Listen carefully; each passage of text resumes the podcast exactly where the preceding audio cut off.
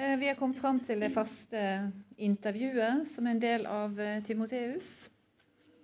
I dag skal jeg snakke med Anne Irén, eh, som er egentlig det er litt nytt ansikt i Kristkirken.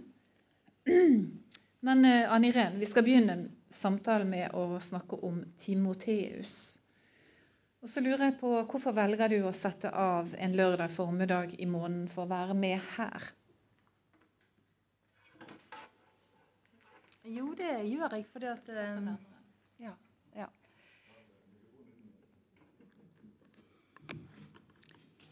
ja. Fordi at jeg har uh, egentlig hatt en lengsel veldig lenge om å få lov å gå mer på bibelskole. Jeg kaller jo dette her en bibelskole. Og, og det å få, få, gå sammen med noen og, og, få vite mer og lese mer. Få hjelp, eh, rett og slett få en hjelp til å få åpnet Bibelen.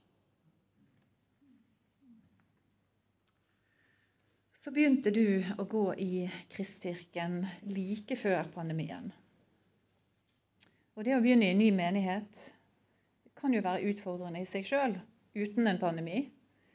Eh, så lurer på ja, det, Så det gjør jo ikke saken bedre, da, eh, sånn som det har vært. Men eh, hvordan, hva, hvordan har du klart deg, håper jeg? Hvordan har det vært? Ja, pandemien har vært tøff. Det må jeg bare si. Det har gått i bølger, men når, du er, når, du bor alene og du er enslig og, og familiene, ungene eh, er langt unna, så har det vært perioder der det har vært ganske mørkt. Det har det. Så i pandemitiden så um, har jeg virkelig Jeg har jo egentlig visst det, men jeg var i en jeg har vært i en, på en, måte en oppbruddsfase og leitet etter et nytt sted å være. Og i pandemitiden så har jeg virkelig kjent at det å stå alene, det er ikke bra. Da er vi veldig sårbare. Da er det en som eh, kan få litt tak på oss uten at vi vil det. Men eh, når jeg snakket med deg i går, så nevnte du i hvert fall to ting som hadde vært veldig bra. da. Altså sånn med tanke på å knytte bånd til menigheten. Ja. Jeg, når vi, det var jo i vår, vår det begynte å åpne opp. Og eh, da hadde jeg hadde jo planlagt lenge skulle begynne i Kristkirken, fordi at jeg har i perioder ikke hatt bil. Og så bor jeg så nærmt at jeg kan gå. Det syns jeg er fantastisk. Det å ha en kirke i nærområdet. Det, så jeg har liksom ventet på det.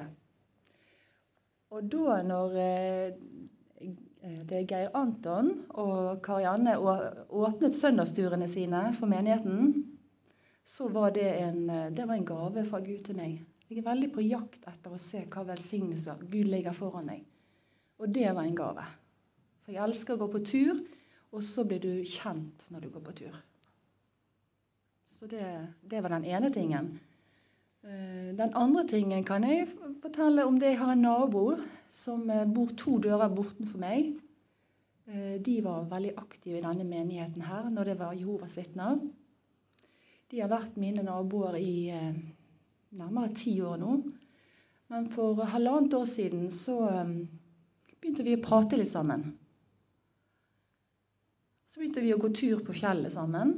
Og vi fikk på en utrolig måte dele troen vår sammen. Ikke, ikke en pinsevenn mot en eh, Jehovas vitner. Vi la det vekk. Og så fikk hun snakke om sin tro, og jeg om min tro. Og jeg tror ikke det er tilfeldig.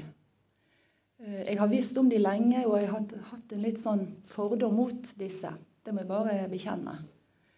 Men når jeg da begynte å be for dem, og jeg så denne flotte, fantastiske damen da gjorde Gud noe inni mitt hjerte. Så jeg er jo spent på videre. Det er Gud som, eh, som kommer med kjærligheten. Ja. Du nevnte også at du hadde blitt med i en bibelgruppe. Ble invitert inn i et Du kan kanskje si bitte litt om det? Ja. Jeg har jo også hatt lyst til å begynne i en smågruppe. og Kjente jo noen her fra før, men jeg sa til Gud at den, da får du ta regien på. Du får eh, invitere meg inn i den gruppen du vil at jeg skal være i. Ja, Da kom det en dame bort til meg en søndag. Om jeg ville være med i hennes gruppe. Og det ville jeg. Og eh, første samlingen så sier hun da, eh, når vi sitter der, eller Jeg var litt impulsiv, men jeg tror hun var ledet av Den hellige ånd. Så der er vi altså syv damer nå som får lov å dele liv på en annen måte enn vi kan i en stor forsamling. Så Vi har forskjellig bakgrunn alle, men det er veldig viktig å dele liv. Leve livet sammen. Så eh, vokste du opp i et eh, kristent hjem. Men eh, du var 35 år da du ba Jesus om å ta over livet ditt. Kan du kort si litt om hva som skjedde da? Ja, jeg er vokst opp i pinsemenighet. og... Um, på en måte så kan du bli forherdet når du vokser opp i en menighet, hvis ikke du uh, slipper Altså du kan, ikke, ja, du kan kanskje vokse inn i ting, men du må, du må ta imot Jesus på det personlige området sjøl. Og jeg har vokst opp veldig mye med hva som var synd og ikke synd. Det ble nesten en sånn øvelse i hva som var synd og ikke. Og du finner ikke Gud på den måten. Det gjør du ikke. Så jeg giftet meg ganske ung, og vi var jo kristne begge to. Men det var én fot i hver leir. Det var det. Og når jeg da ble 35 år, så hadde vi fått en attpåklatt. Jeg har fire barn. Og da eh, gikk eh, livet mitt i stykker. Da klarte jeg ikke å være kone mer, ikke mor, og eh, jeg var syk. Så da ble det et Da ble det så tøft at jeg var på bunnen, ja. Og egentlig følte at jeg ikke kunne leve mer. Samtidig så har jo du hørt, du vet jo at det er en evighet. Hvor skal du være der? Og det som, det som det resulterte i, det var det at jeg sa til Gud at eh, OK, nå har jeg kjørt, kjørt i grøften. Nå har jeg hatt kontroll hele veien, og jeg har ikke ment mitt Fader vår med at du skal få din vilje i mitt liv. For jeg var veldig bundet av angst. Jeg måtte ha kontroll sjøl. Så da sa jeg til Gud at OK, nå har jeg kjørt i grøften, nå får du ta over. Se om du kan gjøre det bedre. Det var en merkelig bønn. Men, eh, men da fikk jeg fred. Da, vi, da, var det han som sto med roret. ja. Men på et tidspunkt, eh, for det er liksom dette med bibellesing På et tidspunkt så tenkte du at nå skal jeg lese gjennom hele Bibelen på ett år. Hva skjedde da? Ja, i denne, i denne tiden her så um, så ble jeg født på ny. ved døpte Den hellige ånd. Jeg fikk tungetall, og jeg fikk eh, ja, Bibelen åpnet seg. Fra å være en telefonkatalog til å åpne den seg. Og så tenkte jeg at nå skal jeg være flink. Nå skal jeg lese gjennom den på et år. Det tenkte jeg. Og så kom en annen tanke som jeg tenker var Den var ikke fra meg. Skal du nå prestere på dette området òg? Og det var det at jeg var jo et spedbarn. Du kan ikke sette et spedbarn foran et stort kolfbord og be det spedbarnet ta for seg. For jeg hadde nok med et vers jeg i flere måneder. Så det var min inngangsport til Bibelen. Men du er spesielt glad i Salmenes bok. Kan du si litt om det? Ja, vi snakket om, eh, vi snakket om det i går. Salmene. Jeg har jo måttet ha eh, profesjonell hjelp i livet mitt. Og der fikk jeg det rådet om å lese salmene. Altså Salmene der er hele følelsesspekteret. Der viser David hele følelsesspekteret. Og vi, er, vi har hele følelsesspekteret i livet vårt. Og det å undertrykke ting, det kan vi bli syke av.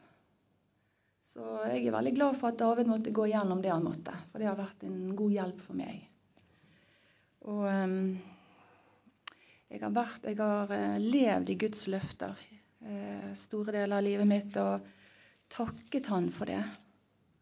Takket Han for disse løftene. Men jeg vil også eh, jeg, jeg, tenkte litt mer etter vi snakket i går, Johanna, at eh, 5. Mosebok 31,8, det har jeg lyst til å lese. Det er et vers der jeg har eh, brukt eh, Der har jeg lagt meg til rette. Eh, Herren, han vil selv gå foran deg. Han skal være med deg. Han skal ikke slippe deg og ikke forlate deg. Frykt ikke og bli ikke forferdet. Eh, det verset der har jeg fått ligge i mange år. Skal bare stille deg ett spørsmål til deg. For du, Ann Irén, du har jo også opplevd eh, å bli helbredet fra angst. Det fortalte du i går. Så jeg lurte på om du kunne bare si hva som skjedde den gangen. Ja, når livet mitt gikk i stykker, så, så var det mye angst. Mye angst og depresjon. Og det, var, det har tatt mange år å bygge opp igjen livet mitt. Men eh, jeg sa til Gud at jeg kan ikke klare å ha denne angsten. Så jeg eh, hadde en, eh, en venninne som ble min åndelige storesøster, som hadde en, en bønnegruppe bønnegruppe oppe på Os. og der, eh, Det var i forbindelse med Os misjonsmenighet, men der kom det mennesker fra flere forskjellige menigheter. Det var et tett og nært fellesskap. Denne venninnen min er veldig klok. Hun har gått igjennom litt av det samme som meg. Så hver gang vi sluttet, avsluttet, så spurte hun om eh, det var noen som trengte forbønn med håndspåleggelse. Og der eh, fikk jeg lov å be om forbønn. Gang etter gang etter gang. For min angst. Så i perioder så bar de meg i den gruppen der. Så var det en periode i eh, Dette gikk over en tre-fire år. Gikk i bølger. Eh, så var det en periode som var tøff i livet mitt, og angsten blomstret skikkelig opp. Og det var en sommer Det var tre måneder. Og om sommeren kan det være tøffe tider, for vi har lite fellesskap. og og jeg fikk den tanken om at bare jeg kommer meg i bønnegruppen Bare jeg kommer meg i bønnegruppen. Da var det tre måneder med stor angst. Og når jeg da fikk forbønn i den bønnegruppen, så kunne jeg gå ut igjen helt fri etter tre måneder. Det, det er et mirakel.